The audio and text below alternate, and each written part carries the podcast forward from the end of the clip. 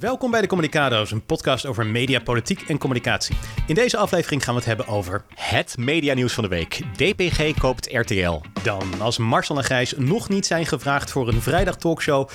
moeten ze razendsnel met de manager bellen. Plus dringend carrièreadvies voor Wendy van Dijk. Verder, hoe kunnen we onze democratie het beste beschermen? En kap eens met al die aanvallen op journalisten. Als je deze podcast leuk vindt, klik dan op volgen en laat een recensie achter op Apple Podcasts. Laten we snel beginnen, want ook deze keer hebben we weer een hele leuke show.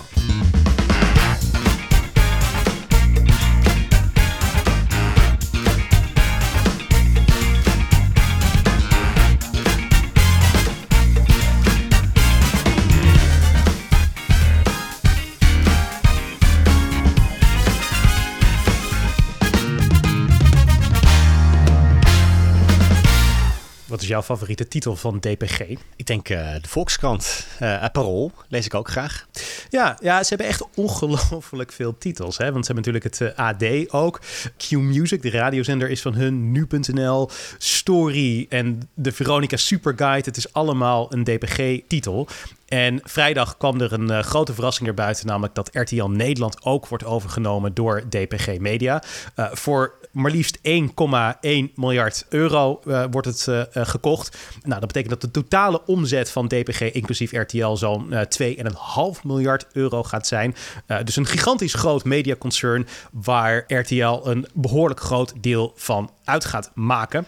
Ja. DPG heeft al enige ervaring met televisie. Want in Vlaanderen hebben ze VTM, wat feitelijk de Vlaamse RTL 4 is. En in Wallonië hebben ze RTL TVI, ook een commerciële zender daar. Dus uh, nou ja, goed, het past er ergens bij dat ze ook nu RTL hebben. Maar de vraag is wel, wat vinden we ervan en waarom doen ze dit nou? En laten we eens even met die eerste vraag, of met die tweede vraag moet ik zeggen, beginnen. Waarom doen ze dit, uh, Lars? Dan moet ik toch even denken aan een uh, uh, vier jaar geleden. Toen was ik spreker bij het Advertiser Summit van DPG Media. En wat ze toen deden, is toen hadden ze alle grootste adverteerders bij elkaar gehaald en met een chartervliegtuig naar Cambridge gevlogen. En ja, dat was het best georganiseerde evenement waar ik ooit ben geweest. Uh, ik had s'avonds zelfs een etentje met Monica Lewinsky. Jeetje, ja. dat, is, dat dus, is wel... Ik weet dat je mij toen de tijd vertelde, maar dat, ja, dat klinkt natuurlijk prachtig inderdaad, ja. Nee, dat, dat was heel bijzonder. Ook hele, uh, hele goede sprekers uh, waren daar. En een van de populairste sprekers was daar Christian van Tillo. Dat is ja. de baas eigenlijk van uh, DPG Media. En al die adverteerders die keken ook uit naar zijn verhaal. Want elk jaar, dat weet iedereen dan, op vrijdagochtend begint hij de dag en mensen keken daar echt naar uit. En wat ik me nog herinner van zijn verhaal daar is dat hij heel nadrukkelijk zei dat niet andere media, maar Google en Facebook de concurrenten zijn van DPG Media. Interessant inderdaad, hè? want uh, je zou natuurlijk denken dat de concurrent van DPG Media bijvoorbeeld Mediahuis is, wat ja. uh, eigenaar is van de Telegraaf. Maar zo zien zij het niet. Zij zien het Amerikaanse Google als hun belangrijkste concurrent. Klopt, hè? want uiteindelijk zijn advertenties toch het verdienmodel van DPG Media. En hoe meer data je kunt verzamelen over de lezer, over de kijker, hoe beter je kunt concurreren met bedrijven als Google.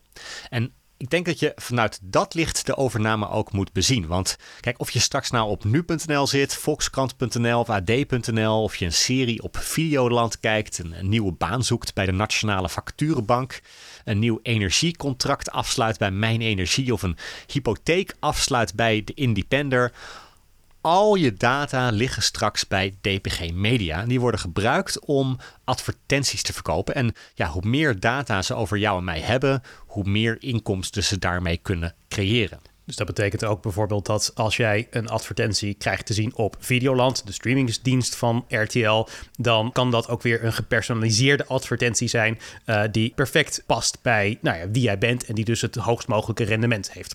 Klopt. En als jij vervolgens naar nu.nl uh, gaat, dan kan het natuurlijk ook zijn dat je een advertentie ziet die is uh, afgestemd op de series die je kijkt op Videoland. Ja, ja, dus precies. er wordt een veel nauwkeuriger profiel opgebouwd van jou als, uh, als consument. En daarmee kunnen ze beter adverteren. Uh, het is zelfs natuurlijk ook een kans dat, omdat adverteerders minder keuze hebben, de advertentietarieven ongetwijfeld ook omhoog zullen gaan.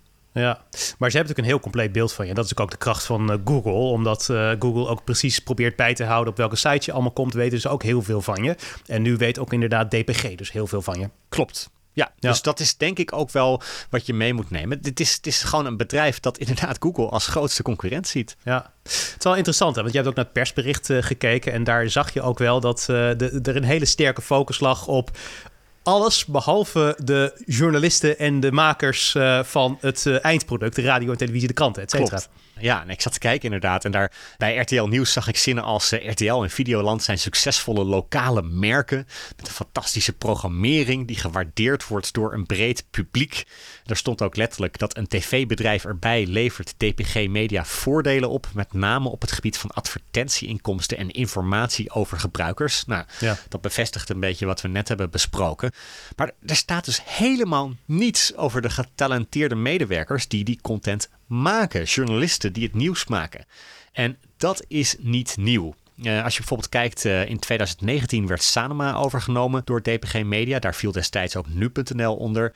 En als je dat persbericht op hun eigen site terugleest, dan zie je alles over een complementair portfolio van nieuwsmedia. Hoe dit de onderneming versterkt. Hoe het noodzakelijk is in een verder digitaliserende wereld. Synergie, slagkracht, vertrouwde, sterke merken. maar dus helemaal niets over journalisten of medewerkers. Wat hen destijds overigens ook wel opviel. Het is toch een beetje alsof je een ambachtelijke bakker overneemt en alles prijst behalve de mensen die het werk doen. En alleen maar lult over merken en synergie. Ja, dat is natuurlijk uh, inderdaad hoe zij er tegenaan kijken. Dat, dat verraadt dat een beetje. Zij zien eigenlijk content als iets wat bedoeld is om adverteerders uh, te lokken. Maar het gaat ze om die adverteerders. Dat is waar ze het uh, geld voor het grootste deel aan verdienen. Ja. Wat ik ook wel interessant vind, is die mogelijkheden voor synergie. Want die zijn er natuurlijk echt enorm. Er is ongelooflijk veel samenwerking. En dat is ook wel nodig in dit medialandschap. Want wat er natuurlijk ook is veranderd, is dat vroeger moest RTL 4 concurreren met SBS SBS6 en de publieke zenders. Maar daar is heel veel concurrentie bijgekomen. Je moet namelijk ook concurreren met uh, Netflix, met Disney Plus. In zekere zin moet je ook uh, concurreren met YouTube. Hè? Dat is ook een concurrent uh, voor televisie. Ja. En dat betekent dat je eigenlijk ja, van, van betere huizen moet komen. Hè? Om mensen weg te trekken bij The Crown heb je echt een heel erg goede serie nodig. De lat ligt tegenwoordig hoger. Het publiek is gewend aan een hoger niveau van kwaliteit. En dus ook grotere budgetten. Die zijn nodig. En dat betekent dat ook een partij zoals RTL tot de conclusie kan komen: in ons eentje redden we het feitelijk niet meer. We hebben een andere partij nodig die dat uh, geld uiteindelijk uh, opbrengt. En voor een deel ja, kan je dat ook weer halen uit allerlei synergie voordelen die je kunt bewerkstelligen. Een van de ook al in dit soort taal praten, Victor? Ja, het woord synergie, ja, ja, ja. Ja, ja, nee, ja, goed. Maar ik, ik denk inderdaad, als ik gewoon ga kijken wat me logisch lijkt... ik kan me niet voorstellen dat uh, de redactie van het AD niet wordt samengevoegd met die van RTL Nieuws. Want dat is in Vlaanderen al gebeurd. De VTM Nieuwsredactie is samengevoegd met die van de krant Het Laatste Nieuws. In ieder geval gedeeltelijk. Uh, ja, dat bespaart gewoon geld. In plaats van twee aparte Amerika-correspondenten heb je er maar één nodig. En nou, dat is natuurlijk een flinke bezuiniging. Andere synergievoordelen. Q-Music is eigenlijk al RTL 4 op de radio. Het is een beetje dezelfde doelgroep. Qua persoonlijkheden, Marieke Elsinga is een belangrijk gezicht voor die zender. Voor, voor zowel de radiozender als voor de televisiezender. Uh, dus er is veel overlap. En je zou bijvoorbeeld kunnen zeggen dat de nieuwsbulletins vanaf, vanaf de overname... dat die ook bijvoorbeeld RTL nieuwsbulletins uh, uh, worden. Hè? Dat het zo, zo heet. Net zoals het NOS-journaal op de radiozenders van de NPO te horen is. Ja. Ook dat is weer een stukje synergie en branding... en, en hoe dingen elkaar kunnen versterken. En als je nog verder je kunt ook bedenken dat bijvoorbeeld in het AD op vrijdagochtend een exclusieve hint wordt gepubliceerd over een van de kandidaten in de Masked Singer.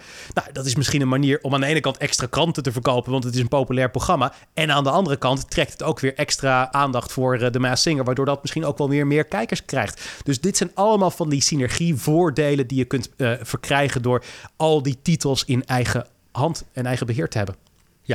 Dus in die zin snap ik het wel. Ik vind wel zo'n concentratie van macht zorgelijk. Hè? Want nu al worden journalisten uitgeknepen bij DPG Media, Mediahuis. Eh, niet gecompenseerd voor inflatie, onderbetaald. Zeker jonge redacteuren en ja. freelancers. Hè? Dat is waarom ze nu ook staken.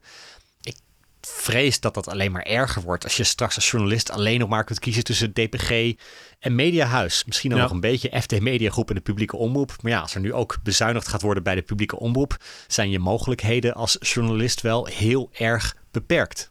Ja. ja, en natuurlijk ook de onafhankelijkheid uh, van uh, journalisten. Daar zijn uh, terechte vraagtekens over te stellen. Dat punt is ook al aangekaart. Kan Angela de Jong als uh, de recensent van het AD nog wel heel kritisch zijn op RTL-programma's. Nou, er moet er wel bij worden gezegd, het is een genuanceerde discussie, want uh, er is een redactiestatuut, hè, dus het AD gaat niet ineens heel positief over alles van RTL uh, schrijven. Maar er komt wel subtiele druk natuurlijk te staan op de televisierecent van de kranten van DPG. en ja, soms kan die subtiele druk ook wel een invloed hebben. Dus je kunt niet zeggen dat het een heel groot effect gaat hebben, tegelijkertijd dat het geen effect heeft. Dat vind ik ook ongeloofwaardig. Ja, en ik moet dan heel erg denken aan een fragment wat uh, ooit naar buiten kwam van Hans Nijenhuis. Hij was toen de hoofdredacteur van Algemeen Dagblad. En gaf toch wel een beetje een inkijkje in hoe dingen soms achter de schermen gaan. Laten we even luisteren. En deal je dan ook met partijen om tot zo'n moment te komen? Heb je een onderhandeling? Ontmoet je ik ze? Heb, uh, bellen, een, uh, voorlichters, adviseurs? In een opwelling heb ik toen, eh, toen werd ik gebeld en in een opwelling heb ik wel gezegd: luister eens, we kunnen ook Wilders premier maken als je dat wilt. Hè? Dus je doet het via ons voortaan. Ja, misschien moet je dit niet onthullen, maar dit is wel een beetje hoe het gaat. Ja, misschien moet je dit niet onthullen, maar het is wel een beetje hoe het gaat. Nou ja, kijk, als een hoofdredacteur van het AD al op zo'n manier politieke partijen onder druk zet, ja, dan kan het natuurlijk alleen maar erger worden op het moment dat ja, DPG Media straks gewoon een partij is die in zijn eentje gewoon ja. misschien wel kan bepalen wie de verkiezingen wint. En wat hier misschien nog wel grappig was, is dat bij de The Advertisers Summit in uh, Cambridge gaf Monica Lewinsky een, een, een verhaal, hield een verhaal. En zij begon haar presentatie door te vragen wie wel eens een hele grote fout had gemaakt waar je je voor schaamt. Nou ja, op dat moment stak iedereen in de zaal stak zijn hand omhoog. En toen was haar tweede vraag: en wie heeft nou een fout gemaakt waar iedereen in deze hele zaal van op de hoogte is? En ze had natuurlijk gehoopt dat zij als enige haar hand omhoog zou uh, steken. maar ja, Hans maar, Nijenhuis was ja. de tweede in de zaal die zijn hand omhoog stak. Want ja, hij wist toch wel dat de hele zaal wist dat hij dit inderdaad uh, even daarvoor had gezegd. En dat werd hem ook wel kwalijk genomen. Maar ja, ja dat zal best. alle grapjes uh, daar gelaten. Kijk, het laat wel heel goed zien wat de invloed kan zijn van een mediaconcern. En Zeker. ja, DPG Media kan straks in zijn eentje bepalen wie de verkiezingen wint. En ik, dat lijkt me toch niet wenselijk. Nee, nee. En ik denk het algemeen. Ik denk ons hele leven wordt gedomineerd door allerlei grote bedrijven. Hè. Dat zien we echt op allerlei terreinen. Vroeger had je een winkelstraat waarbij er nog een uh, winkel was die gewoon ja, een eenmanszaak is. Hè. Janine om de hoek had haar eigen kledingwinkel in de stad. En dat ja. zien we niet meer, want het zijn allemaal ketens. Allemaal grote bedrijven die in elke stad dezelfde winkels neerzetten. Het centrum van bijna elke stad ziet er tegenwoordig hetzelfde uit. En dat leidt uh, sommige mensen ertoe om te praten over het tijdperk van middelmatigheid. We hebben daar al eens eerder over gehad in de podcast. En ik vrees daar ook wel een klein beetje voor dat dat soort dingen gaan gebeuren op het gebied van televisie. Dat televisie uiteindelijk in handen komt van allemaal grote bedrijven die eigenlijk niet zoveel hebben met het ambacht van televisie maken. Ja, dat zie je bij kranten natuurlijk al een beetje. Hè? Want DPG Media die gaat er altijd prat op dat onder hen geen titels ja. zijn verdwenen. Dan denk ik, ja, nou, dat klopt misschien wel. Maar vroeger was het zo, als je uh, het parool las, ja. dat de content in de hele krant, van de eerste tot de laatste pagina, geschreven was door mensen die bij het parool werkten. Ja. Tegenwoordig is het zo dat er allerlei content in staat van Trouw, van, van, van de Volkskrant. En ja, dan heb je toch op een gegeven moment dat is het parool het parool Ja. nog? Van hoe onderscheidend is de krant nou echt als je eigenlijk zoveel journalistiek van andere labels, van andere merken doorplaatst in een andere krant? Ik denk wat er gebeurt bij grote bedrijven is dat de mensen die de beslissingen nemen niet meer zoveel op hebben met het product zelf. Hè? Dus dat zijn mensen die vaak managers zijn. En managers zijn niet bezig met het ambacht van televisie maken, maar die zijn bezig met het zorgen dat ze bepaalde targets halen. En als ze dat niet halen, dan halen zij een bonus niet, dus hebben ze een probleem. Dat, dat zie je veel meer in grote bedrijven, waar mensen ver afstaan van de praktijk. En als ik dat met één voorbeeld even mag uh, toelichten. Deze week was ook uh, het uh, programma in het nieuws van Gerard Joling, wat nooit op televisie is gekomen, namelijk Gerard en de Buitenlanders. Dat is in 2019 besteld door RTL. In 2020 zou het op televisie komen, maar het, het is in eerste instantie uitgesteld en later is het helemaal weggehaald. Het is niet op de buis terechtgekomen.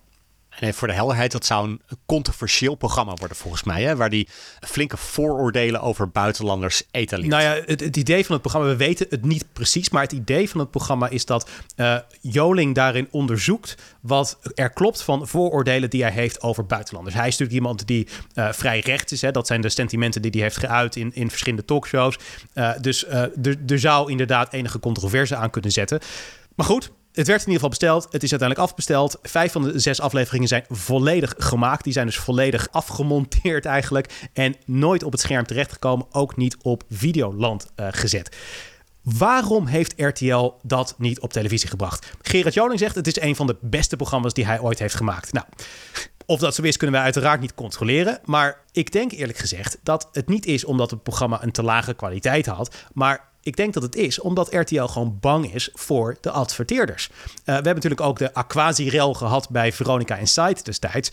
Eén uh, foute grap over Aquasi heeft ertoe geleid dat een aantal sponsoren, waaronder Gillette, zich terugtrokken. Dat is voor een bedrijf natuurlijk een financiële aderlating.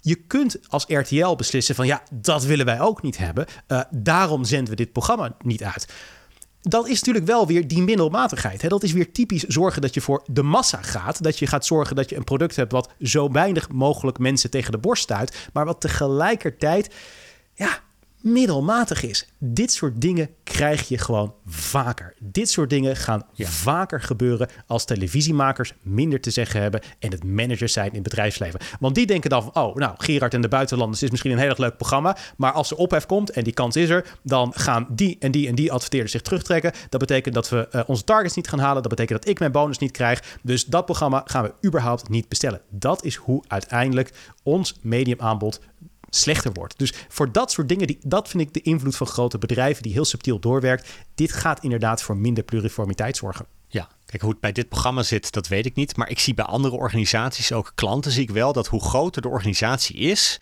hoe meer risicomijdendheid ja, er op een gegeven moment in de organisatie sluipt. En dat herken ik overal, want op een gegeven moment, ja, dan moeten steeds meer managers erover vergaderen.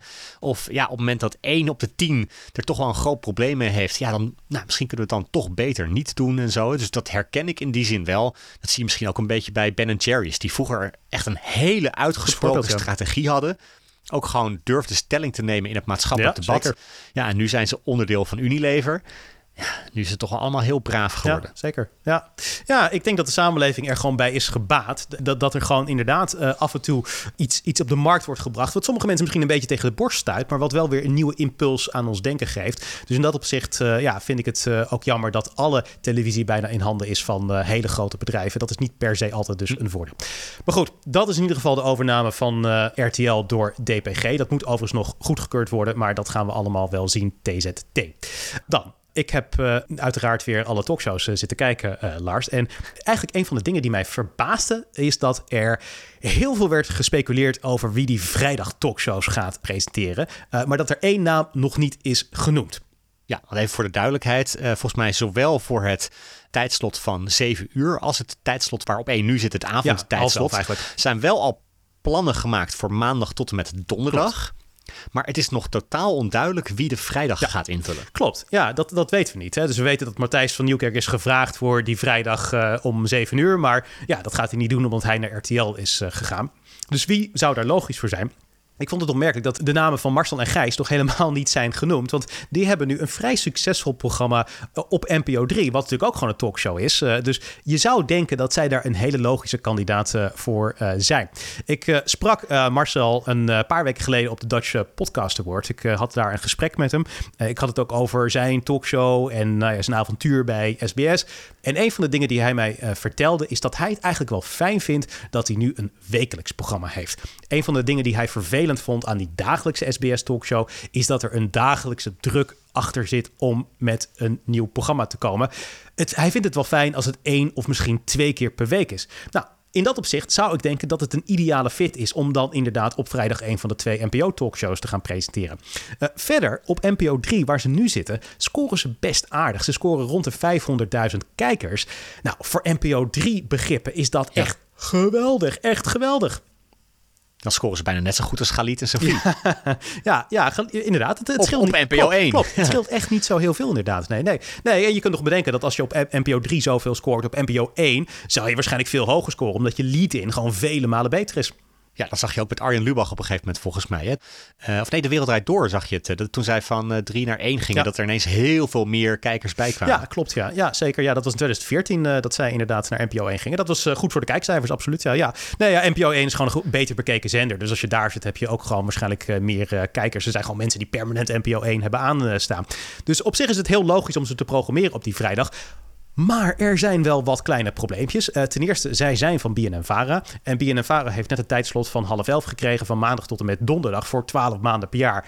Ja, daar zeggen al heel veel omroepen van... nou, ze hebben wel heel veel ruimte in het schema gekregen. Als ze ook nog de vrijdag erbij krijgen... ja, dan is de beer echt los. Dan zullen echt bepaalde omroepen waarschijnlijk wel echt gaan protesteren. Dus het, die omroeppolitiek kan hier echt in hun nadeel werken ik, ja, ik, weet niet precies of dat op te lossen is. Ik las even terug in de media dat ze een jaarcontract hebben getekend afgelopen zomer. Nou, dat betekent dat je in principe ook al zou kunnen overstappen volgende zomer. Nou, dan zou je bijvoorbeeld naar de VPRO kunnen overstappen. Nou, dan zou dat de talkshow van de VPRO kunnen zijn. Dan zou dat misschien minder controversieel zijn. Dat zou een manier zijn om dat eh, op te lossen. Ik denk ook het probleem is dat eh, Marcel en Gijs heel veel doen, maar ze praten niet altijd heel erg uitgebreid over het gesprek van de dag. Eh, sterker nog, het gaat soms meer over henzelf dan over het nieuws eh, van de dag. En dat maakt het een minder logische fit voor eh, half elf. Dus ik vermoed dat ze het daar niet gaan programmeren. Eh, dat zou best wel logisch zijn, omdat er al een ander linksprogramma, Galite Sophie, op dat tijdslot zit. Dus ergens is het heel complementair. Maar tegelijkertijd om half elf willen ze denk ik liever een wat meer journalistieke talkshow hebben. Iets minder personality-driven dan wat Marcel en Gijs is. Dus dan is een logischer tijdstip om het te programmeren om 7 uur op vrijdag. Dus van maandag tot en met donderdag Eva Jinek en op vrijdag dan Marcel en Gijs. Deze voorspelling staat, ik heb hem genoteerd. eh, Heel goed, ja. We gaan het het afwachten. Ik weet het ook niet zeker hoor, maar het lijkt, het lijkt mij logisch namelijk om het op deze manier te doen. Ja, dan eh, gaan we naar een observatie. Want jij zit regelmatig de televisie te kijken en dan zie je iets wat ik in ieder geval niet zou zien. Geen detail ontgaat mij, Lars. Je kent me. Nee, nee eh, het is eh, niet per se het grootste nieuws, zeg ik er maar even bij. Dus ik kader het maar even in op die manier.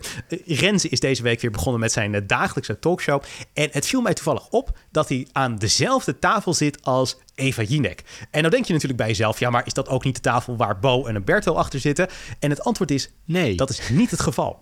Wat is namelijk het geval? Eh, het is eh, zo dat eh, ze een nieuwe studio hebben gekregen bij die late RTL Talkshow. Dat, sinds Humberto weer met het seizoen is begonnen, eind augustus. Een eh, geheel nieuw decor is het eigenlijk. En daar staat ook een nieuwe tafel in.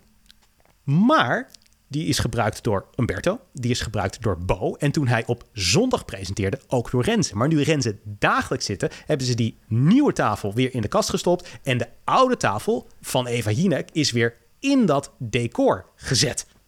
Waarom? Waarom? Dat is natuurlijk de hoofdvraag inderdaad. Ja, waarom? Nou, ik heb hier eens over nagedacht. Ik denk dat ik het antwoord heb. Die nieuwe tafel, daar kunnen vier gasten aan zitten plus de presentator. Dus totaal vijf mensen, maar vier gasten. Die tafel van Jinek, daar kunnen zes gasten aan zitten. Daar kunnen meer mensen aan zitten. En waarom wil Renze een grotere tafel? Nou, ik denk dat dat een beslissing is van de producent Evert van der Horst. We hebben het al eens vaker gehad over hoe dit een geniale producent is van talkshows. Hij heeft ook de Wereld Draait Door ooit bedacht. Hij ziet gewoon heel duidelijk dat die talkshow van RTL, die is heel personality-driven. En Renze heeft van alle drie de host eh, de, misschien de, meest bescheiden eh, persoonlijkheid. Hè? Het is iemand die eh, net wat minder een grote persoonlijkheid is. Umberto en, en, en Bo, die zijn dat veel meer. Die, die nemen gewoon veel meer ruimte in beslag. En tegelijkertijd willen ze wel een lekker dynamische talkshow waar heel veel gebeurt en waar een beetje drukte is. Ik denk dat het een van de redenen is waarom het ook een jonger publiek aanspreekt dan de andere talkshows. Het is echt aanmerkelijk drukker daar in die talkshow dan in de andere talkshows. En dat is dus uiteindelijk waarom ze daar meer gasten hebben. Renze is van nature vrij rustig. En als je meer dynamiek wil, moet je dus meer gasten aan die tafel zetten om te zorgen dat je toch diezelfde dynamiek krijgt die ook kenmerkend is voor Umberto en Bo.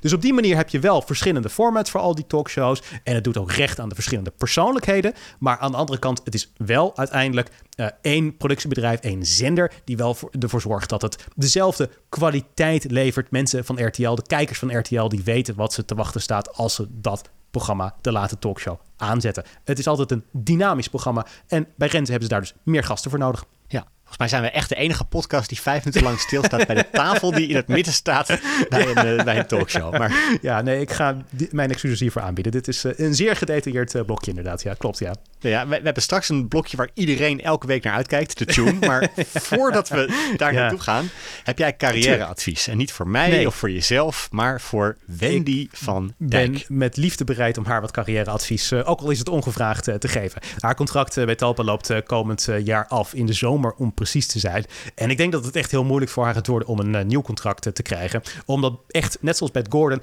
heel veel is geflopt van haar. Echt heel veel. Het is allemaal vrij desastreus verlopen in de vijf jaar dat zij bij Talpa heeft gewerkt. Je zou kunnen zeggen dat het enige succes is Wie van de Drie. Uh, dat scoort echt heel goed, het programma. Dat is echt een groot succes. Maar ja, haar rol is niet echt cruciaal. Ze is heel goed vervangbaar. Hè? Martien Meiland en uh, Najib Amali en Raven van Dorst... dat zijn toch wel de belangrijkere persoonlijkheden voor dat uh, programma. Het enige programma wat niet echt een grote flop van Wendy was... dat was Wie het laatst lacht. Dat is een Candid Camera uh, programma. Maar ja, ook na twee seizoenen liepen de kijkcijfers wel terug... en er is geen derde seizoen gekomen. Dus dat zegt eigenlijk ook wel genoeg als we eerlijk zijn. Het zijn verder heel veel flops geweest. We Want More, de Dansmarathon, Weekend Nederland... Uh, Ministar, Superkids, noem het maar op. Het waren allemaal stuk voor stuk grote flops. Daarom is mijn advies aan Wendy van op deze manier doorgaan, dat gaat geen zoden aan de dijk uh, zetten. Ik denk dat zij radicaal alles over een andere boeg moet gooien. En mijn advies zou zijn van zorg dat je jezelf compleet opnieuw uitvindt. Je moet jezelf compleet vernieuwen. Ik zou bijvoorbeeld zeggen, Doe geen grote studioshows meer. Hè. Laat dat achter je. Je hebt dit keer zoveel van die programma's gedaan. Zij is het gezicht van die 13 in een dozijn studioshows. Als je Wendy in de promo's al voorbij ziet komen, dan denk je bij jezelf: ja, dit gaat weer zo'n programma worden waar ik al een aantal keer teleurgesteld in ben geweest. Ik laat het maar even zitten. Dat is niet goed. Uh, niet goed voor de kijkcijfers van het programma, niet goed voor haar. Ze moet zichzelf opnieuw uitvinden. Dat is mijn ja, advies. Want het is allemaal veel te voorspelbaar ja, geworden. Het is allemaal hetzelfde ja. trucje wat ze constant aan het repliceren is. En als je nou eens kijkt naar de carrière van André van Duin. Die man zit volgend jaar, geloof het of niet, 60 jaar in het vak. Dat is ongekend. En wat is nou het succes van iemand zoals André van Duin? Hoe heeft hij weten te overleven op televisie zo verschrikkelijk lang? Nou, dat komt omdat hij zichzelf regelmatig totaal opnieuw heeft uitgevonden. Hij is nieuwe dingen gaan doen. Dus een aantal jaar geleden, ongeveer tien jaar geleden, uh, iets meer geloof ik, is hij ineens uh, niet meer al zijn succesvolle typetjes gaan doen. Uh, meneer Wijdbeens speelt hij tegenwoordig niet meer. Hij is heel Holland Bakt gaan presenteren als zichzelf. Nou, dat is eigenlijk ja. iets wat hij vroeger nooit zou hebben gedaan. Hij is ook ineens een acteur geworden in een serieuze rol, in een serieuze serie. Het geheime dagboek van Hendrik Groen. Ook iets wat hij daarvoor niet heeft gedaan. Hij heeft zichzelf opnieuw uitgevonden en daardoor zijn carrière een nieuwe impuls gegeven. Ja, geen pizzalied meer bij heel nee, Holland. Pakt. Nee, precies, exact. Nee, hij heeft het echt helemaal over een andere boeg gegooid. Ik denk dat uh, Wendy van Dijk daarvan zou kunnen leren. Ik denk dat ze het ook moet. Ik, ik, ik, weet niet wat ze moet doen, maar ze moet het compleet anders doen. Misschien ook een andere look erbij. Want je, je zet ook een beetje dezelfde look eigenlijk al ja, 30 jaar lang. Hè. Ook dat kan best een nieuwe impuls uh, uh, gebruiken. Misschien zou je van dat blonde haar bijvoorbeeld af moeten. maak het wat donkerder. G gewoon echt iets totaal anders. Eigenlijk wat je voor elkaar wil krijgen, dat het volgende tv-project wat zij onderneemt, dat de mensen aan de desk s'avonds bij shownieuws zeggen van... hey, dat is een kant van Wendy die we nog niet eerder hebben gezien. Dat effect moet je voor elkaar zien te krijgen. En ook grote artiesten zoals Madonna en Cher, die hebben ook al decennia lang overleefd, omdat ze elkaar keer op keer, op zichzelf keer op keer hebben vernieuwd. Dat is wat ze moet doen. En ze is 52 en even voor de context hier, dat is net zo oud als toen Cher kwam met haar grootste hit Believe. Dus ik zou zeggen, Wendy, ik denk dat het moeilijk wordt. Ik denk dat het echt heel hard bikkelen wordt om jezelf opnieuw uit te vinden. Maar neem een voorbeeld aan Cher. Het is mogelijk. Jouw grootste successen kunnen nog voor je liggen. Maar je moet er wel hard voor werken. Laatste punt hierover trouwens. Ik denk een van de redenen waar ja. ze zichzelf niet opnieuw heeft uitgevonden... is omdat zij natuurlijk een relatie had met de man die bepaalde welke contracten... of welke programma's zij uh, kreeg. Erland Galjaard. Hij was vroeger programmadirecteur bij RTL. Hij was uh, ook uh, iemand die over de programmering ging bij Talpa de afgelopen tijd. hij is natuurlijk inmiddels daar weg. Maar als dat de man is waarmee je een relatie hebt, is het natuurlijk heel veel makkelijker om nieuwe programma's te krijgen. En dat heeft bij haar de impuls weggenomen om ook gewoon zichzelf te vernieuwen. Ik denk dat ze zichzelf eerder had vernieuwd als ze niet automatisch allerlei goede programma's had gekregen. Dus in zekere zin betaalt ze nu de prijs voor die relatie en dat gemak wat ze heeft gehad met Erland Galjaard. Desalniettemin, mijn advies is: ga vooral jezelf opnieuw uitvinden. Helemaal goed. Straks gaan we kijken naar iets heel anders, hoe je de democratie het beste kunt beschermen. Maar voordat we dat doen, is het weer tijd voor de tune van de week. Want elke week kies jij, Victor, een legendarische tv-tune uit je collectie die volgens het Guinness Book of World Records maar liefst 78 dagen aan muziek bevat. Victor, wat heb je meegenomen? Ik heb uh, dit keer uh, de tune meegenomen van VTM Nieuws, de collega's van RTL Nieuws. Uh, vorige week in deze rubriek heb ik natuurlijk het gehad over de tune van RTL Duitsland. Nou, met het nieuws van de overname van DPG is dat eigenlijk allemaal een beetje achterhaald wat ik vorige week heb gezegd. want er is geen enkele kans, lijkt mij, dat de tune uit Duitsland op nee. deze manier naar Nederland komt, omdat het niet meer hetzelfde bedrijf is. Ik wou net zeggen, van als je nu de aflevering van uh, vorige week nog niet gehoord hebt en, uh, en je wilt drie minuten besparen, uh, sla dan de tune ja. over, want die is in ieder geval niet meer relevant. Hoewel het wel een mooie tune is. Dus in dat opzicht is dat wel een reden om ernaar te luisteren. Maar het gaat waarschijnlijk niet de tune worden die het Nederlandse nieuws gaat gebruiken. Maar de tune van VTM Nieuws zou misschien, zomaar gebruikt kunnen worden in Nederland. Ik weet het niet, ik ga hem in ieder geval uh, aan je laten horen. Hij is gemaakt door uh, Brandy Jingles. Dat is een groot bedrijf wat ook heel veel voor zowel het Nederlands als het Vlaamse Q-Music heeft gedaan. Uh, ik vind het een hele mooie vormgeving die ze hebben. Ik vind de tune niet per se het mooiste aspect van die vormgeving. Maar ja, het is een podcast, dus ik kan het niet laten zien. Ik kan alleen maar wat laten horen. Dit is de tune van VTM Nieuws. Daar komt hij.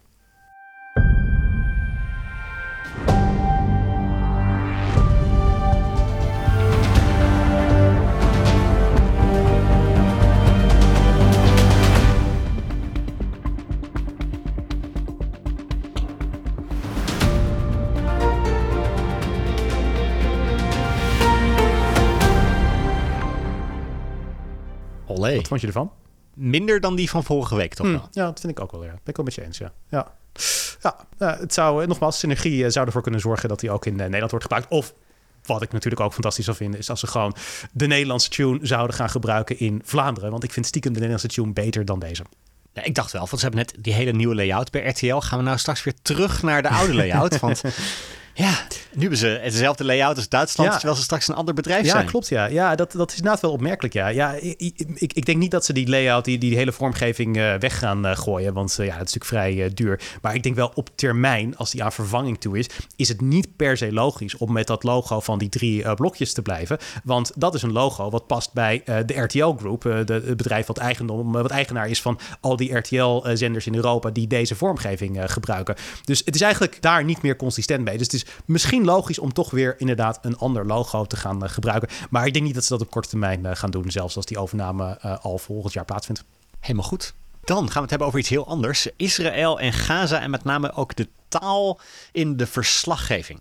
want ja, ik vind het zelf altijd interessant om na te denken over taal. Zeker wanneer die ons denken over een belangrijk onderwerp beïnvloedt. We hebben het in deze podcast eerder bijvoorbeeld wel eens gehad over de taal in de verslaggeving over Oekraïne. Bij zo'n offensief moet je het nou hebben over veroveren, heroveren, ja. bevrijden van grondgebied. En nou, toen heb ik ook uitgelegd van ik ben een voorstander van bevrijden omdat je anders de activiteiten van Rusland en Oekraïne min of meer gelijkstelt. Hè. Beide zijn ze bezig met het verdedigen van terrein en het uh, proberen te heroveren of veroveren van terrein. Nee, het gaat echt over bezetten versus bevrijden. Het idee erachter is natuurlijk dat taal ook framing is hier. Ja, bewust of onbewust. Want kijk, ik denk dat je altijd moet erkennen dat taal complex is en nooit neutraal wat je ook kiest. Het enige wat je kan doen is proberen zo neutraal en accuraat mogelijk ja. Te zijn. En ik erger me de laatste tijd dood aan een geradicaliseerde meute op de sociale media die journalisten niet alleen doorlopend de les leest over hun verslaggeving bij het gewapende conflict tussen Israël en Hamas, uh -huh. maar ook nog eens hun motieven in twijfel trekt. als je een bepaalde term gebruikt of juist niet gebruikt, dan ben je ineens een terrorismeverheerlijker, ben je een antisemiet. Of als je één keer een ongelukkige verspreking maakt in een live radioprogramma, zoals uh, NOS-hoofdredacteur Giselle van Kans, dan is de ranzigheid die je op dat moment over je hoofd krijgt of over je heen krijgt niet te overzien. Want wat heeft zij ook alweer ja, want, gezegd wat uh, zoveel kritiek kreeg? Nou ja, wat zij zei is, uh, iedere terrorist is ook een vrijheidsstrijder. En wat ze volgens mij had moeten zeggen, of misschien wel had willen zeggen, is iedere terrorist is iemands vrijheidsstrijder. Dat betekent niet dat je een vrijheidsstrijder bent of dat je objectief iemand kan ja. neerzetten als een vrijheidsstrijder. Dat klinkt al snel als het goed praten van terreur. Ja.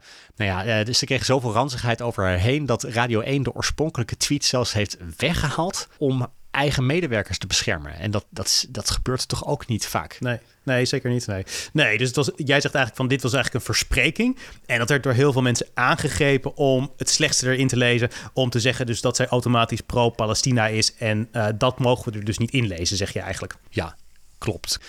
Um, ik dacht, ik vind het aardig om een aantal journalistieke dilemma's te bespreken mm. in, de, in, de, in de podcast.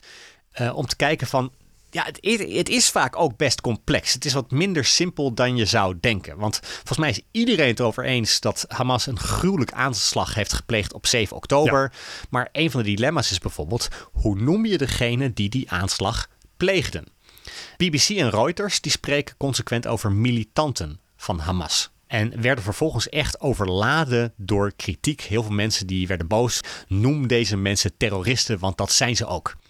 En iets vergelijkbaars overkwam in Nederland bijvoorbeeld het Financiële Dagblad. Die sprak over Hamas-strijders. En de kritiek van lezers was: ja, dat, dat geeft het haast iets nobels, iets heldhaftigs. Ze strijden ergens voor. Noem hen terroristen. En wat ik dan altijd interessant vind, is om, om, om te kijken van maar waarom noemt de BBC nou hen niet een terrorist? En nou, ik probeer daar nieuwsgierig uh, naar te zijn. Mhm. En wat ze zelf heel transparant uitleggen, is dat zij zeggen: een terrorist dat is een beladen term die mensen gebruiken om een morele afkeuring uit te drukken. En de BBC ziet het niet als haar taak om mensen te vertellen wie ze moeten steunen of moeten veroordelen. Zij zeggen het is onze taak om feiten te presenteren en dan vervolgens het aan de lezer of de kijker te laten om daar een conclusie over te trekken. Hm. En zij zeggen, kijk, de Britse regering, andere overheden, die hebben Hamas veroordeeld als een terroristische organisatie. Maar ja, dat is hun zaak. Wij zullen best mensen aan het woord laten, zegt BBC, die dat ook zeggen. Maar wij proberen zo nauwgezet mogelijk te beschrijven van wat wordt er nou precies gedaan. Hè, en wat is er precies aan de hand. Maar niet dat label erop te plakken van terrorist. Want ook bijvoorbeeld in Canada zie je ook dat het advies is van, de, van het grootste medium daarvan wees überhaupt voorzichtig met het woord terrorist. Want daarmee maak je eigenlijk direct de ander de good guy. Ja. dus je, je, kiest als het ware direct partij in een conflict. En Mag ik even, eh, de BBC... Dat wel een interessant uh, dilemma. Een vergelijkbaar dilemma speelt ook bij of je uh, Wilders als extreem rechts uh, bestempelt. er zijn mensen die zeggen van hij voldoet aan de wetenschappelijke definitie. Even wat dat dan precies betekent, laat ik even weer in het midden. Maar je zou kunnen zeggen hij voldoet aan die definitie probleem is natuurlijk dat het een uh, beladen term is, die ook een oordeel lijkt te vellen over Geert Wilders. En daarom is volgens mij het ANP van mening dat je dat niet moet doen. Dat je Geert Wilders niet moet beschrijven als extreem recht. Hoe kijk je tegen die discussie aan? Ik denk dat het daar misschien nog genuanceerder ligt, omdat volgens mij zelfs wetenschappers zeggen van eigenlijk is het geen extreem rechts omdat hij geweld afzweert. Wat dat betreft zou je bijvoorbeeld Donald Trump veel eerder extreem rechts ja. moeten nee, Het gaat even over het dilemma natuurlijk. Hè? Want, van, ik bedoel, ook daar is het criterium voor een deel. Als je hem extreem rechts noemt, dan disqualificeer je hem. En dat kan natuurlijk uh, bij sommige mensen toch wel enige woede opwekken. Nou, ik denk dat je daar terughoudend mee moet zijn. Dat je wel anderen aan het woord kan laten die zeggen waarom het iets zo is, maar terughoudend moet zijn met dat soort termen te vaak en te makkelijk ergens op te plakken als een uh, journalistiek. Want sommige mensen zijn daar heel erg mee oneens wat jij nu zegt. Ik, ik ben op zich het wel met je eens, ik deel die mening. Maar sommige mensen zeggen van ja, maar dat betekent dus dat de journalistiek dingen niet meer benoemt zoals ze zijn. Nee, klopt. En wat mijn houding dan is van zorg in ieder geval als medium dat je er heel transparant over bent waarom je iets wel of niet doet. En probeer vervolgens dan ook juist als lezer of kijker je daarin te verdiepen. Zonder dat je direct de intenties van de journalisten die daar werken in twijfel Nee, fair enough, fair enough. En ik denk dat je die transparantie zeker als uh, media uh, moet bieden. Maar daarmee bereik je natuurlijk nooit de, de, de volledige uh, massa van je publiek. Hè? Dat is altijd een niche die daar daadwerkelijk in gaat duiken. Ja. Bij de BBC zeggen ze bijvoorbeeld: wij proberen dit echt heel consequent te doen. He, zij zeggen bijvoorbeeld tijdens de Tweede Wereldoorlog was er een enorme druk maatschappelijk en vanuit het bestuur om naties slecht te noemen of kwaadaardig. Daar was natuurlijk ook alle aanleiding toe om ze als zodanig te omschrijven. Maar de BBC zegt dat hebben wij nooit hm. gedaan. Wij hebben gewoon geprobeerd calm en collected, zeggen ze, feitelijk te beschrijven wat er werd gedaan en het vervolgens aan de lezer te laten om die conclusie te, uh, te trekken. Um, je ziet bijvoorbeeld in Groot-Brittannië dat uh, er zijn ook aanslagen geweest van de IRA natuurlijk. En ook daar zag je dat die werden heel feitelijk beschreven zonder dat de BBC het had over terrorisme. En ook daar was er een enorme druk van, wat zijn jullie voor, voor, voor lafaards dit is toch gewoon een terroristische aanslag. En zij zeggen van nee, wij willen juist terughoudend zijn met dat label erop te plakken. En ik denk van nou, als je dat maar consequent doet, dan vind ik dat daar best wat voor te zeggen is. Dat je zegt van nee, dat is echt niet aan ons om dat label daarop te Lars, ik had het niet verwacht, maar ik, ik ben het gewoon volledig eens met dit uh, hele blokje. Dit is, het gaat een hele goede kant op. Ik vind het echt een uitstekend punt. Want ik denk dat een van de problemen is dat heel veel mensen druk zetten om journalisten om hun frame over te nemen. Ik denk dat de taak van de journalistiek, die is heel waardevol. Namelijk om dingen te beschrijven zoals ze zijn. Liefst zo feitelijk mogelijk. Uh, zodat ondanks alle conflicten die we hebben in de samenleving, alle meningsverschillen die we hebben, dat we in ieder geval een gemeenschappelijke feitelijke basis heeft. En door dat, dat soort emotionele taal allemaal te gaan gebruiken, ondergraaf je eh, die taak van de journalistiek. Dus ik ben het hier echt 100% mee eens. Nou, eh, dat is verrassend, eh, Victor. Ik weet niet wat mij overkomt hier. Ja, overigens verbaast het mij daarom juist... dat juist de mensen die normaal gesproken juist zeggen... dat de media hen niet moeten vertellen wat ze moeten vinden... in dit conflict graag willen dat de media iedereen voorschrijven wat ze hmm. moeten vinden. Ik, wees daar voorzichtig mee. Als je ook alleen al in dit conflict kijkt. Kijk, wat de term terrorisme, dat vind ik wel interessant om daar nog verder in te duiken, zo problematisch maakt, is dat, kijk, je ziet bijvoorbeeld dat op de bezette gebieden op de Westbank hebben kolonisten, Israëlische kolonisten, ook meerdere aanslagen gepleegd op willekeurige en onschuldige Palestijnen. Aanslagen die ook onder vrijwel elke definitie van terrorisme vallen. Toch worden zij zelden terrorist genoemd waarom zijn zij dan geen terrorist? En, en daar zit dan dus de bias en de willekeur. Want op het moment dat media wel zouden spreken over terroristen op de Westbank die onschuldige Palestijnen hebben aangevallen, dan ga je opeens ook heel anders kijken naar het conflict. Want ja, geeft dat dan Palestijnen ook het recht om nederzettingen te bombarderen en van huis tot huis te gaan op zoek naar terroristen in de nederzetting? Hè? Dus dat wordt allemaal beïnvloed door taal. En ik snap dat partijen als Reuters, BBC zeggen van oeh, daar willen we gewoon echt gewoon van wegblijven. Wij proberen zo feitelijk mogelijk te beschrijven wat er nu aan de hand is en wat er gebeurt. Ja, precies. Ander dilemma uh-huh. eh, vind ik bijvoorbeeld van stel er, er wordt een, een bom gegooid door Israël op de Gazastrook. En daar komen mensen om. Ja. Of daar gaan mensen dood. Ja, hoe beschrijf je dat dan in het nieuws? Zijn die mensen dan omgekomen? Zijn ze gedood? Zijn ze vermoord. Daar wordt altijd een hevige strijd om gevoerd, uh, om die terminologie. Nou ja, ik zag gisteren bij NRC bijvoorbeeld dat een, een, Palestijnse cameraman uh, van Al Jazeera is omgekomen in Gaza. En toen dacht ik, ja, maar, maar, omgekomen. Ik zie die term heel vaak, hè, Palestijnen komen om. En mij lijkt dat bijvoorbeeld dan weer niet de juiste term. Want je komt om bij een verkeersongeluk of een natuurramp, wanneer er geen opzet in het spel is. Maar ja, als iemand een bom ergens gooit of als iemand uh, met een pistool op jou schiet, ja, dan spreek je niet van iemand die omkomt, dan spreek je van iemand die gedood wordt. Of als het heel gericht is, misschien zelfs wel iemand die vermoord wordt. En daar kan je ook weer hele discussies over hebben. Nou, mijn voorkeur gaat er naar om dan niet het woord omgekomen te gebruiken. Maar ik denk dan wel van Wees transparant over waarom je bepaalde termen kiest, maar sta dan ook als nieuwsconsument open voor die afweging daar, zonder dat je direct zegt van, oh, maar de NRC spreekt van omgekomen, dat betekent dat ze meegaan in het uh, Israël-narratief, of dat ze aan de leiband lopen van Netanyahu. Het laatste dilemma, uh, waarvan ik zie dat dat heel veel kritiek krijgt. Wanneer bericht je ergens over? Ik zag op, uh, op Twitter in ieder geval dat, dat motieven van journalisten enorm in twijfel werden getrokken toen er niet snel genoeg ergens over werd bericht. Bijvoorbeeld over de verhalen van verkrachtingen bij de aanval op 7 oktober. En heel eerlijk, daar zijn ook echt weerzinwekkende getuigenissen van. Daar, daar word je echt misselijk van als je leest wat daar gedaan is. En de ombudsman van NRC legde naar aanleiding van een lezersbrief uit hoe de krant te werk gaat. ze zeiden van ja, de BBC bracht dit verhaal. Toen heeft de NRC daar inderdaad een nieuwsbericht over gemaakt. Maar we pakten niet direct uit met een groot stuk in de krant. Onder meer omdat ja, heel vaak is er een correspondent. Ja, die wil dan een aantal mensen interviewen. Eh, die, die gaat er naartoe. Uh, die moet keuzes maken. Die heeft misschien de komende dagen al een aantal andere verplichtingen dit is nou typisch zo'n verhaal waarvan ik ook denk van, ja, als dit over een week in de krant staat, is het ook prima. Hè? Het gaat over iets wat twee maanden geleden gebeurd is.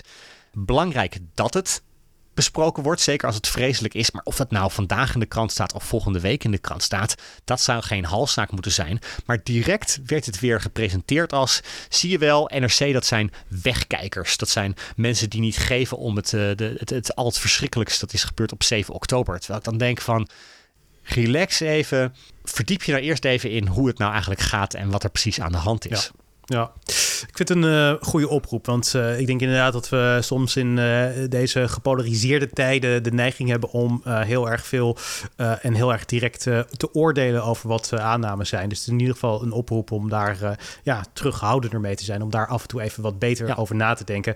En onszelf ook iets meer te verdiepen in wat de echte dilemma's zijn die erachter zitten. Ja, en realiseer je ook wat het effect is van aanvallen op de media. want al die mensen die nu dagelijks journalisten aanvallen, zijn wat mij betreft geen haar beter dan Donald Trump en Thierry Baudet. ze vissen in hetzelfde troebele water. ze ondermijnen de journalistieke rol in de samenleving die juist zo cruciaal is. zelfs mensen als Lodewijk Asscher gaan met cynische opmerkingen mee in het ontketenen van een, een, een soort van hetsen tegen journalistiek, waarvan ik denk van wees je iets meer bewust van wat, wat jij in de kaart speelt met bepaalde tweets. En in ieder geval iemand als Lodewijk Asscher zouden wat mij betreft wat vaker mogen doen. Ja, en voor de duidelijkheid, het is dus helemaal geen enkel probleem, maar dat doen wij ook. Hè. Mediakritiek leveren, dat is echt uh, heel erg uh, toegestaan. Daar is niks mis mee.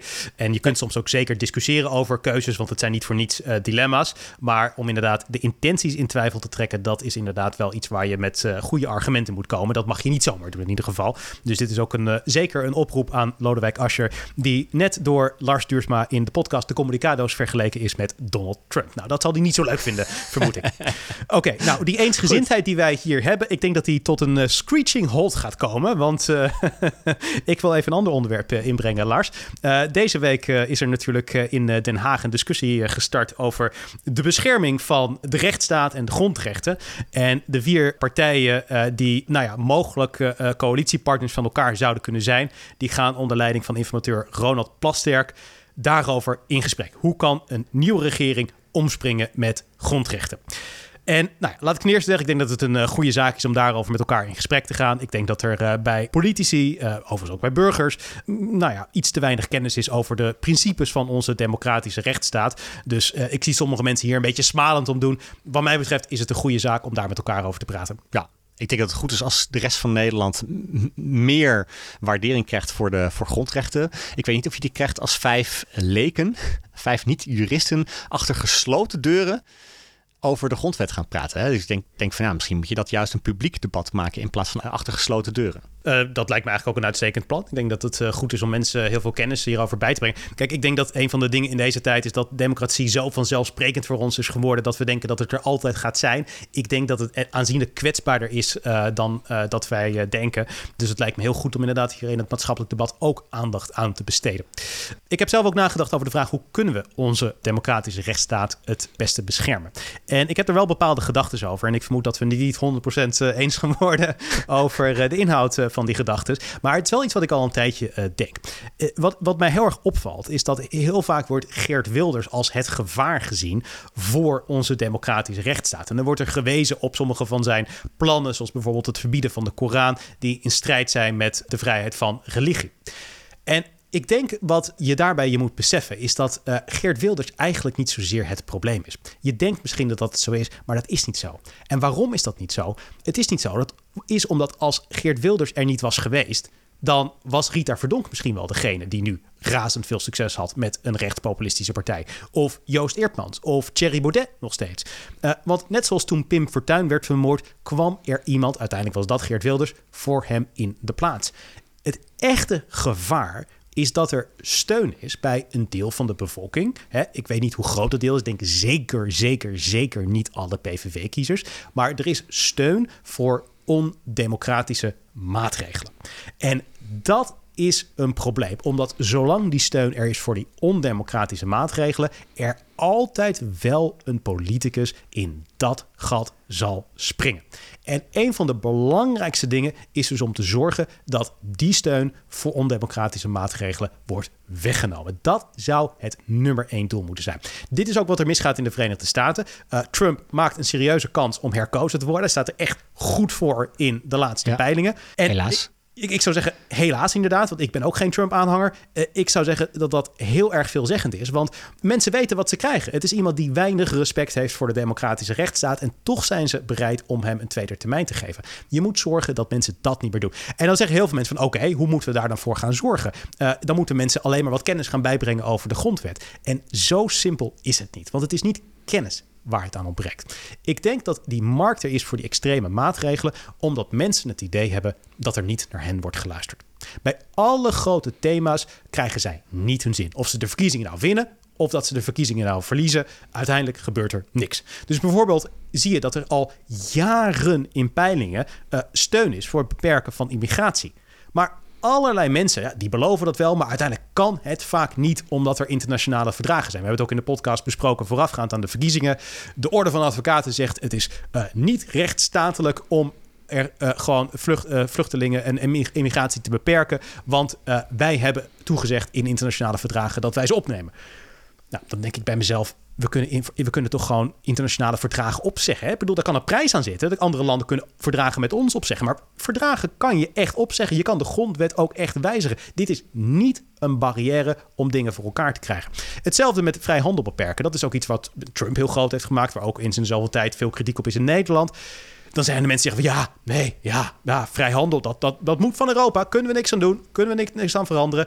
Uh, als je het hebt over minder klimaatregelen, ja, nee, dat, de rechter zegt dat het absoluut moet. Kunnen we niks aan doen? Op allerlei grote issues heeft het volk feitelijk niks meer te zeggen. Dat is het gevoel wat er leeft.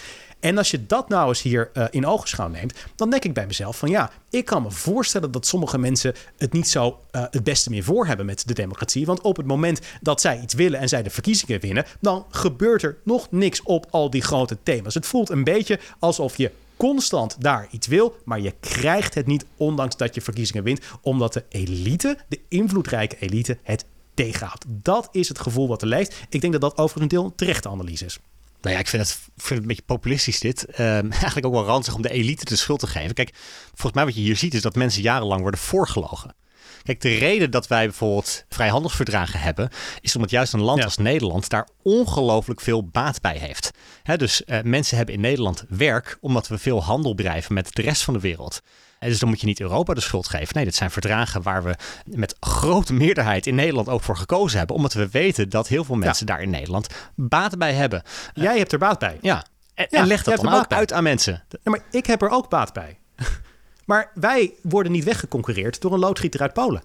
Dat is toch het verschil? Niet alleen dat, want wat volgens mij... Tuurlijk. Als, als, als nee. Voor ons, voor hoogopgeleiden, is het geweldig. Want wij kunnen ineens... Uh, jij was uh, uh, anderhalve week geleden in het buitenland... om daar een training te geven voor een internationaal bedrijf. Nou, dankzij de Europese Unie kan je dat soort dingen doen.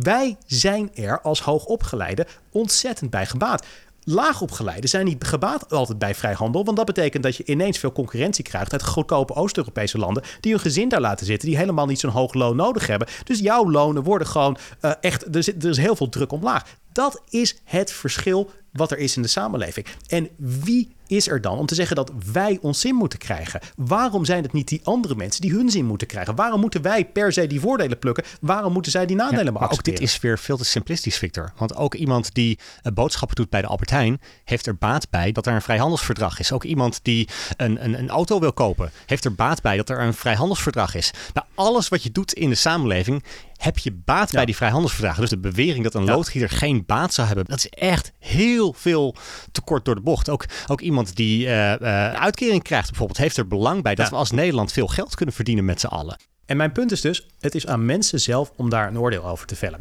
En als mensen vinden dat een vrijhandelsverdrag of een, uh, een, een, andere economische samenwerking niet in hun voordeel is, dan is het democratisch om te zeggen van oké, okay, dan schrappen we het, dan gaan we doen. Maar dat gebeurt niet, want keer op keer worden barrières opgeworpen.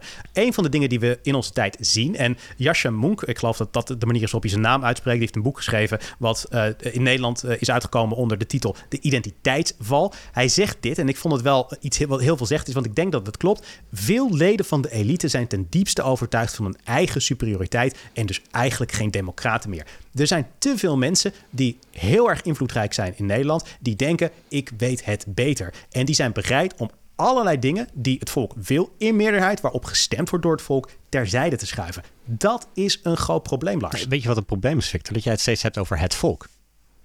Alsof, alsof er één volkswil is. Hè? Dat is een beetje de essentie van populisme. Dat is waar het bij uh, elke autocraat ook naartoe gaat. Hè? Van ik ben het volk, ik spreek namens het volk. En iedereen die dat tegenhoudt, is daarmee een tegenstander van het volk. Ik denk dat ja, maar dat is dat hele discours waar je weg moet blijven. Er zijn verkiezingen geweest. Ja, maar er zijn toch verkiezingen Maar er is niet een meerderheid die tegen handelsverdragen is, Victor. Maar waar baseer je dat op? Dat, dat een meerderheid tegen handelsverdragen zou zijn? Ik, ik, ik, laat ik het voorbeeld in ieder geval van immigratie, want dat is een groot thema geweest in de verkiezingen. Er is een meerderheid voor het sterk beperken van immigratie. En waarschijnlijk, ik, ik, ja, misschien ben ik te cynisch, ik hoop het, maar waarschijnlijk gaat het weer niet gebeuren. Nou ja, ik denk dat de kans heel groot is dat het gaat gebeuren, ook omdat er meerdere vormen van migratie zijn. Als je kijkt naar de plannen die er zijn om bijvoorbeeld uh, de voordelen voor expats terug te dringen, de, grote kans dat dat gaat gebeuren gewoon natuurlijk. Hè? Dus, dus ik laat vind je heel cynisch hopen, want het is, als je denkt dat dat niet gaat gebeuren. Nou, het is cynisch, maar hoe cynisch? Het is natuurlijk keer op keer beloofd door de VVD. Hè? Dus die hebben dit echt een aantal keer in verkiezingscampagnes toegezegd. En vervolgens hebben ze het niet gerealiseerd. Dus maar, maar om dat zeggen dat het overdreven. Maar dat is het echte probleem. Hè, dat zie je nu ook bijvoorbeeld met uh, iedereen belooft. Nou, nee. nee, iedereen belooft mensen dat we minder moeten gaan betalen voor zorg. Ja, de werkelijkheid is, iedereen in Nederland gaat de komende decennia ontzettend veel meer betalen aan zorg. Want dat is omdat de zorg veel duurder wordt. Dus nou, als je nu tegen mensen zegt, wil je af van het eigen risico in de zorg? Ja, dan zegt de meerderheid natuurlijk, zegt ja. Maar wil je dat ook als jouw premie straks 20, 30 euro per maand omhoog gaat? Ja, ja, dan zeggen mensen ineens misschien, nee, nou dat vind ik toch best wel veel. Alleen dat eerlijke verhaal wordt mensen niet verteld. Want als je mensen gewoon een soort van gratis bier voorhoudt, ja, dan is het nogal logisch dat ze daar ja op zeggen. Kijk, in een democratie is het zo dat als mensen, als de wil van het volk duidelijk is geworden. Dan heb je het weer over de wil van het volk. Luister er is niet één wil van het volk. Er is niet een. Dat begrijp ik, Lars. Dat begrijp ik, Lars. Maar er is toch een overduidelijke uh, wens vanuit de bevolking om uiteindelijk immigratie heel sterk te beperken. Dat kan je toch niet ontkennen? En maar dat gaat toch ook gebeuren? Nou, dat, dat, dat hoop ik dus. Daar hebben we het net over gehad. Maar of dat is dus keer op keer niet gebeurd. Mijn punt is dus dat constant worden dit soort dingen tegengehouden, omdat er een elite is die zichzelf als superieur ziet en daarom dingen dwarspant op technocratische gronden. Allerlei dingen kunnen niet. omdat er, eh, het wordt tegen... Brussel is het grootste is de grootste ergernis daar. Want die, die, die, die mensen daar proberen van alles tegen te houden. Waardoor wij niet meer kunnen beschikken over, onze eigen, over ons eigen land. Dat is de ergernis die er met Brussel is. Nee, het wordt tegengehouden omdat er ook een hoop mensen zijn die op andere partijen stemmen, Victor. Er is niet één volkswil. En er, je, hebt kabinetten gehad met D66, met de ChristenUnie. En dat zijn partijen die helemaal niet willen wat jij wil. Dus dan is het heel democratisch dat er recht wordt gedaan aan de hele verkiezingsuitslag. En niet alleen aan een minderheid. over die uh, quote van uh, Jascha uh, Monk. Uh, veel leden van de elite zijn ten diepste overtuigd van de eigen superioriteit en dus eigenlijk geen democraten meer. Ben je daarmee eens? ik denk dat jij inderdaad onderdeel bent van de elite. Of, of jij geen democraat meer bent, dat vind ik dan een harde nee, uitspraak. Nee, dat, dat is flauw. Dat is flauw. Dat is flauw. maar jij bent de elite, Victor. Nee. Nee, met al het respect. Ik, ik, ik ben niet elite, maar jij ook niet. Alle, alle vinkjes uh, score je, Victor. Jij, jij bent de elite. Maar dat maakt je geen elite. Nou ja, goed, je kunt een hele lange definitie hebben over wat de elite maakt. Het maakt me eigenlijk allemaal in dat opzicht niet zo heel vreselijk veel uit. Wat mij betreft eh, noem je mij ook eh, elite. Ik weet echt niet of het klopt, maar fair enough. Uh, laten we dat dan voor het gemak maar even doen. Ik denk inderdaad dat er echt heel veel superioriteitsgevoelens zijn bij de elite die onze democratie ondermijnen. En de reden waarom ik denk dat dit een groot gevaar is voor onze democratie. er is een boek geschreven door twee wetenschappers, ik geloof van Harvard. En dat heet How Democracies Die. het is een boek geschreven over mensen die ondemocratische revoluties hebben bestudeerd in Latijns-Amerika. En eigenlijk laten ze zien hoe democratisch verval eruit ziet. Ik denk dat in de Verenigde Staten dit eigenlijk gewoon nu aan het gebeuren is met Trump. En wij denken altijd dat een democratie sterft omdat er een staatsgreep wordt gepleegd door een militaire leider. Maar dat is een gedateerd beeld. Dat ging vroeger wel zo. Denk bijvoorbeeld aan Pinochet in Chili. Maar tegenwoordig is het zo dat uh, een democratie sterft doordat er iemand aan de macht komt die stapsgewijs de democratie afschaft. Die komt weliswaar democratisch aan de macht, dus die wordt gekozen. Maar stapsgewijs schaft hij dan die democratie af ten faveur van zijn eigen positie. Dat is gebeurd met Erdogan in Turkije, die daarmee bezig is, uh, Chavez in Venezuela, Poetin in Rusland. Nou, nog een aantal andere voorbeelden kun je daarbij bedenken. En waarom ik het in dit kader aanhaal, is omdat die leiders bijna altijd aan de macht komen door zich te beroepen op de kracht van het volk. Ze zijn tegen de elite. En dat betekent dus dat gevoelens worden uitgebuit van het feit dat het volk niet gerespecteerd wordt, niet voldoende gehoord wordt. En ik denk dat dat de kern is. Dat is het gevaar voor een democratie. Als massaal het idee leeft, de elite luistert niet van ons. Dan krijg je een situatie waarbij mensen uh, bereid zijn om extreme ondemocratische maatregelen te steunen, zoals op dit moment in de VS aan het gebeuren is. Uh, ik weet niet waar dat naartoe gaat. Ik voorspel niks. Ik weet het niet. Dat weten we allemaal niet. Dat moeten we maar zien. Maar dat is het gevaar voor Nederland. En dus als laatste hierbij, wat is dus goed voor onze democratie? Dames en heren, de PVV heeft een gigantisch grote overwinning geboekt. Uh, NSC van Pieter Omtzigt met veel conservatieve standpunten heeft een gigantische overwinning geboekt. Luister naar die partijen. Kom ze royaal tegemoet. Want het is in het belang van ons allemaal dat uh, die kiezers gehoord worden. Oké, okay, dus een hoofddoekjesbelasting. Die wil je invoeren, Victor? Ja, daar moet over onderhandeld worden. Oh, er moet onderhandeld uh, worden over een hoofddoekjesbelasting. Ja, je moet een coalitie uh, voeren. Ik, ik, maar wat jou betreft wordt er onderhandeld over een hoofddoekjesbelasting. Uh, kijk, Lars, er moet uh, tussen partijen onderhandeld worden wat eruit komt. Daar zullen pijnlijke maatregelen voor jou uitkomen. Maatregelen waar jij het niet mee eens ja, bent. Ik denk dat een hoop mensen er meer last van hebben dan ik, Victor. en een jij hoofddoekjesbelasting is een hoofddoekjesbelasting is, is, is, is, kijk, als je het mij vraagt, uh, niet mijn uh, primaire uh, bedoeling. dus, maar goed, ik, nogmaals, ik ben niet representatief maar, voor sommige Korans moeten we verbieden. Wat stel je voor? Nee. de, de, helft van de moskees moeten we sluiten in plaats nee. van 100%. Daar, daar moet een soort van compromis gevonden worden. Ik ben, niet, ik ben voor de vrijheid van religie. Ik vind niet dat je Korans uh, kunt uh, verbieden. Dus uh, dat is wat mij betreft. Maar moeten royaal dat soort dingen die tegen de grondwet ingaan, moeten we tegemoetkomen? Het is uh, absoluut niet uh, de ruis tegen de grond het in om uh, immigratie drastisch te beperken. Oké, okay, maar dan heb je dus één thema dat... genoemd waarvan je zegt daar moet iets terug worden. Dat is helemaal niet de PVV tegemoet komen. Dat is gewoon iets doen wat de VVD, wat NSC, BBB ook willen. nou ja, het is nooit gebeurd. Dus nogmaals, het zou. Kijk, het, het, zou grote winst zijn als dat uh, gebeurt. Dus uh, ik zou het als heel positief zien als wij dat heel sterk kunnen bewerken. Ik denk dat het goed voor Nederland zou zijn. Uh, maar ik denk dat er compromissen over gesloten gaan worden. Ik denk dat partijen hier met elkaar over in onderhandeling moeten. ik ga het hier niet voorschrijven hoe het wat mij betreft moet uitzien, want ik ben ook maar één kiezer. Maar ik denk wel dat het tegenwerken van Geert Wilders en Pieter Omtzigt een heel slecht idee is. Het punt is namelijk dat ik, ik zou, als ik jou was, How Democracies Die, toch wat beter lezen. Ik weet, heb je het gelezen? Zeker. Want zij bepleiten daarin juist hoe je voorkomt dat het gebeurt. En dat is niet door tegemoet te komen aan antidemocratische ja. ideeën, maar te zorgen dat Klopt. de checks en balances in de samenleving bijvoorbeeld in stand worden door de, de pers te ja. ondersteunen. Dat zijn de dingen die zij noemen, maar niet om een stapje te doen in de richting van een antidemocraat. En als, je, ja. als jij zegt van... Maar ik ben het niet eens met alles wat in dat boek staat. Nee, maar, hè? Ja, maar dus je gebruikt het wel als bewijs voor, voor deze. Nee, ik gebruik het als een specifiek uh, onderdeel om te ja. laten zien dat zij onderzoek hebben gedaan naar hoe democratieën sterven. Ik ben het, ik ben het eens met een probleemanalyse. Uh, ik ben het niet eens met een oplossing. Maar dat, dat kan, daar kan je over verschillen van mening natuurlijk. Hè. Ik, ik hoef het niet okay. eens te zijn met een oplossing. Want met al het respect, ik vind dat een politiek iets. Dat, niet, dat is niet wetenschappelijk. Dus zij hebben bestudeerd hoe democratieën sterven. Dat is wetenschap.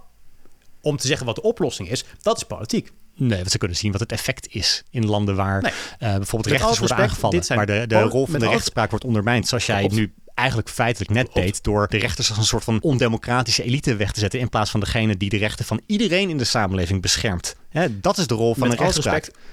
Hoeveel PVV-rechters zijn er dan? Er zijn niet zoiets als uh, PVV-rechters op D66-rechters. Hoeveel mensen bij de rechtspraak uh, zijn lid van D66, Lars? Jij dat weet, en ik dat weet, dat je helemaal niet. Dat weten we wel, Lars. Want rechters zijn uh, benoemd door de politiek. En er zijn heel veel rechters die lid zijn van de politieke partij. En dat zal ongetwijfeld en, veel en vaker dit soort verdachtmakingen is nou waardoor een democratie doodgaat. Dat je, dat je, ja, dat je, dat je rechters wegzet als een soort van politiek vehikel... in plaats van iemand die de rechten van iedereen is, in de samenleving beschermt... waar, op basis van de wet. Ja, het, het, het, leuk allemaal dat jij het als verdacht maakt. Ik, het is waar. Dat, dat is het punt. Dat weten we met z'n allen dat het waar is. Hè? Ik denk dat niemand het, het op, uh, uh, er tegenin gaat. We voelen allemaal aan dat dat zo is. En het is ergens een probleem waar we ons onvoldoende van bewust zijn dat het een probleem is. Het is geen probleem. En ik vind het ook gevaarlijk dat je, dat je het zo neerzet. Want precies dat is dus wat een democratie ondermijnt. Oké, okay, nou, we zijn het inderdaad niet eens geworden. Dat is wel zoals voorspeld. Dus in dat opzicht uh, uh, bleek in ieder geval dat deel uh, zeker weten te kloppen. dan is er tijd voor Vraag het Fik en Lars, de rubriek waarin we elke week één vraag van een luisteraar beantwoorden. In deze onzekere tijden zijn we jouw bron van wijsheid gratis en voor niks. Ben je bijgekomen, Lars? Ik, ben, ik schrik een beetje van, jou, neem een van, water, jouw beelden water. daar. je, je mag echt een, een politiek standpunt hebben, maar je, je kruipt aardig richting het antidemocratische zo. Ah, hou op zeg, wat nu niet zo belachelijk. Je kunt ons een vraag stellen door een mailtje te sturen naar vraaghetvikanlars.gmail.com. Dat mag een vraag zijn om advies, om onze mening of iets persoonlijks en zelfs impertinents. De vraag van deze week die komt van Vera, beste Lars en Victor. Schrijft zij, hoe denken jullie dat Matthijs van Nieuwkerk terugkijkt op de afgelopen week? Er was wat kritiek, maar de storm lijkt te zijn overgewaaid. Was het afgelopen week niet een hele goede week voor Matthijs? Met vriendelijke groet, Vera. Ik ben nog steeds een beetje half shocked, maar ik denk dat het een goede week was voor Matthijs van Nieuwkerk. We moeten, e- oké, heel goed. We moeten verder gaan, inderdaad. Waarom was het een goede week? Nou ja, omdat het overgewaaid lijkt. Uh, dit, dit had een rel kunnen zijn die, die heel lang had geduurd en waar heel veel mensen woedend over waren geworden. De, de, er hadden aanvallen op RTL kunnen zijn, op Peter van der Vorst. Uh, mensen die binnen RTL zeiden van ik wil niet bij een omroep werken waar iemand uh, nog voordat het onderzoek is afgerond een, een, kans krijgt. Niets van dat alles eigenlijk. En ik denk dat, dat, dat als ja. ik Matthijs van Nieuwkerk was geweest, dat ik met een tevreden gezicht naar het nieuws had gekeken en de krant had gelezen de afgelopen week. Ik denk, daar ben ik het wel mee eens inderdaad. Ik denk dat als je kijkt naar hoe het ontvangen is, er was inderdaad uh, wat kritiek. Maar het is niet heel erg uh, groot uh, geworden. En ik denk dat dat aangeeft dat er inderdaad wel een bereidheid is om Matthijs een tweede kans te geven. Hoe dat precies wordt vormgegeven, ik denk dat dat, dat gaat lastig gaat worden. Hè? Dus dit is niet alsof hiermee de comeback een feit is. ik denk dat hij zeker, dat hebben we vorige week ook uiteengezet, hij nog wel echt op zijn tellen moet passen. Hè? Want als hij iets te fel is, kan hem dat wel worden aangerekend. En dat zou een paar jaar geleden niet zijn gebeurd. Maar ik denk inderdaad dat het, relatief goed ontvangen is. Ja. Ja, wat ik overigens wel denk dat interessant is, is de rol van DPG Media hierin. Is dit bewust al een week aangekondigd voordat de overname bekend werd gemaakt? Ik kan me best voorstellen dat die twee met elkaar te maken hadden. Dat ze toch dachten bij DPG van weet je wat, als je nou een week voordat wij dit naar buiten brengen, het nieuws naar buiten brengt, dan is dat voor ons toch wel wat makkelijker. Ja. Want als het net andersom was geweest, dat een week daarna dit naar buiten was gebracht, ja, dan zou het toch pijnlijker vallen dat DPG, het medium waar de Volkskrant notabene dit allemaal, dit balletje heeft uh, doen rollen, nu kennelijk goedkeurt of misschien wat door heeft gedrukt dat Matthijs van Nieuwkerk teruggaat ja, dat was voor hen ook een uh, lastig verhaal geweest. Dus ik kan me voorstellen dat, ja, uh, dat ja. DPG Media misschien net heeft gevraagd van breng het een week eerder naar buiten. Ja, dat kan ik me voorstellen, ja. Dank je voor je vraag, Vera. Vraag het Fik en Lars gmail.com is het adres waar ook jij jouw vraag naar toe kunt sturen. Nou, uh, Lars en ik gaan even een uh, biertje drinken. Tot zover deze aflevering van de Communicado's. Uh, als je het een leuke podcast vindt, klik dan op volgen en schrijf direct een recensie in Apple Podcasts. Ik wens je een hele nou. fijne week. Nou, Fred, hoi hoi.